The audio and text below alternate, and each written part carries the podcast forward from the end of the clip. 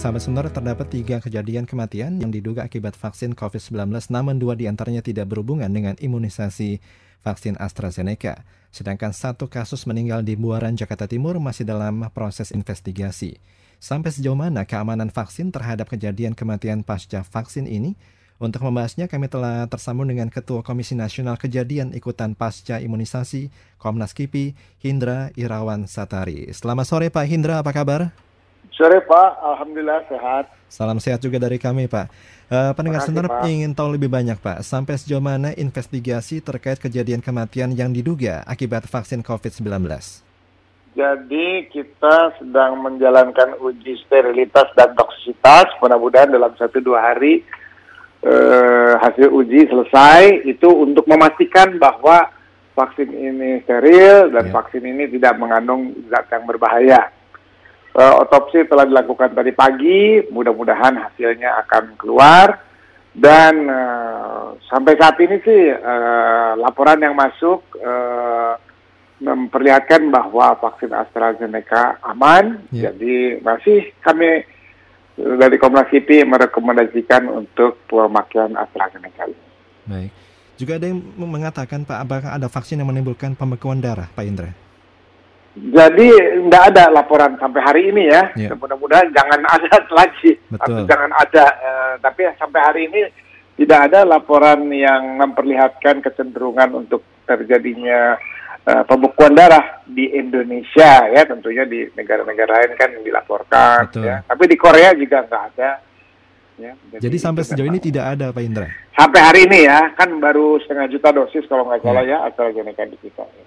mudah-mudahan nggak ada lagi baik mudah-mudahan ada. ini bagi masyarakat yang sudah menerima vaksin pertama AstraZeneca ya. ini ya. bagaimana Pak ya. Indra jadi dari eh, WHO dari UK kalau misalnya pada pemberian vaksinasi yang pertama aman, ya. maka anjurannya untuk dilanjutkan kembali pemberian AstraZeneca ini.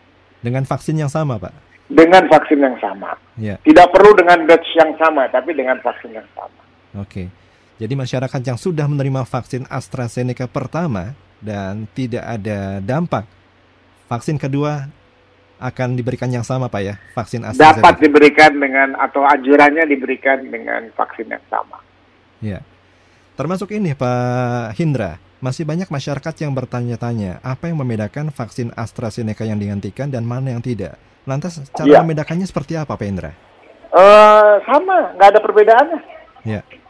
Sama, sama sebangun, isinya 100% sama.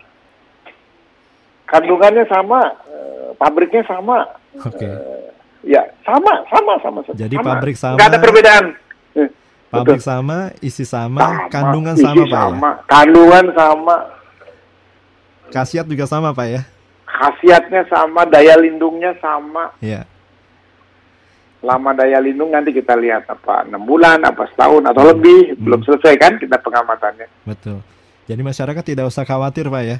Betul, kan selalu dipantau kalau ada yang masuk laporan kami pelajari, dikaji, disimpan untuk dibandingkan kalau misalnya ada kejadian yang sama dibandingkan kalau ada laporan-laporan di luar, diba dipertimbangkan kalau ada dari WHO dan dari masyarakat juga kalau ada laporan pasti kami perhatikan Baik. dari media pun demikian. Baik. Ini agar kejadian seperti ini tidak terulang kembali, Pak Hindra, hmm. dari pihak ya. Komnas KIPI sendiri ketika ya, vaksin direkomendasikan, kemudian saat hmm. lolos dari BPOM sebelum hmm. dilakukan vaksinasi kepada masyarakat. Ini hmm. proses SOP-nya seperti apa, Pak Hindra? Ya, seperti vaksin-vaksin yang lain eh, seperti biasa kita ya. lakukan uh, pastikan dalam keadaan sehat tentunya karena karena uh, apa namanya uh, apa namanya kan ini tindakan pencegahan. Betul. Kalau tindakan pencegahan kan sebetulnya diberikan kepada orang yang sehat. Yeah.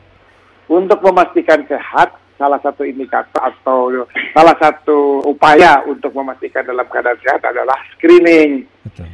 Screening kan bahasa Indonesia-nya itu menyaring ya kan. Betul. Tentu saja masih ada yang bisa lolos, namanya juga nyaring. Yeah. Kalau semuanya ditahan ya nggak ada yang keluar kan, nggak ada yang lolos. Betul. Jadi sepanjang uh, apa menjawab dengan jujur dan uh, screening-screening itu dilewati, uh, tentunya yang berbahaya atau yang uh, kontraindikasi dapat ditunda, bukan nggak boleh diberikan, mungkin ditunda. Jadi kalau kita semua upaya-upaya itu, kalau punya komorbid, kontrol dulu, hmm. ya kan?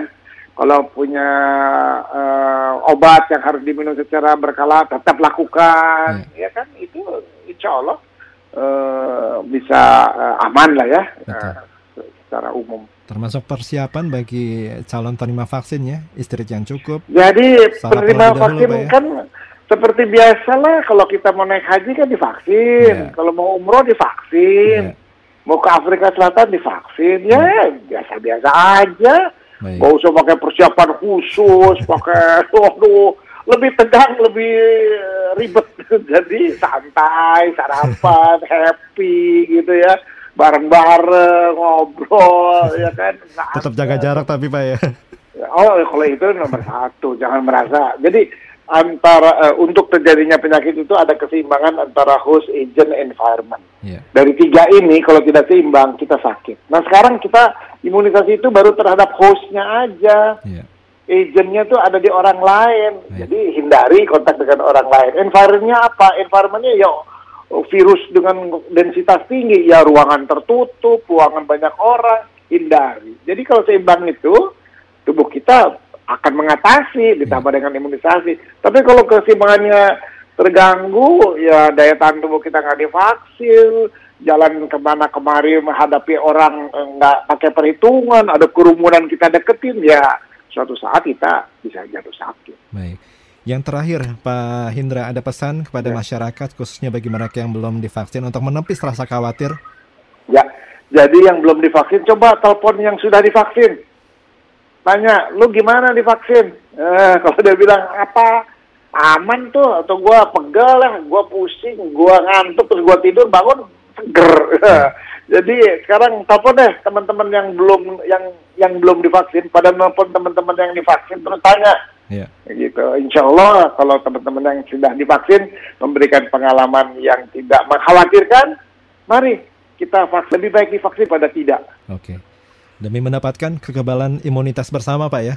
Betul, kita udah lihat tuh Amerika datanya menurun angka kesakitan kematian. Di UK angka kesakitan menurun angka apa semua menurun ya, ya setelah vaksin. Mudah-mudahan kita juga menyusul. Baik, itu yang kita harapkan bersama. Pak Hindra, terima kasih banyak buat waktunya bersama sama-sama. Sore hari ini, salam sehat dari okay. kami, Pak. Terima kasih sama-sama. Terima kasih. Itu tadi Bapak Hindra Irawan Satari selaku Ketua Komisi Nasional Kejadian Ikutan Pasca Imunisasi atau Komnas KIPI untuk Radio Sonora.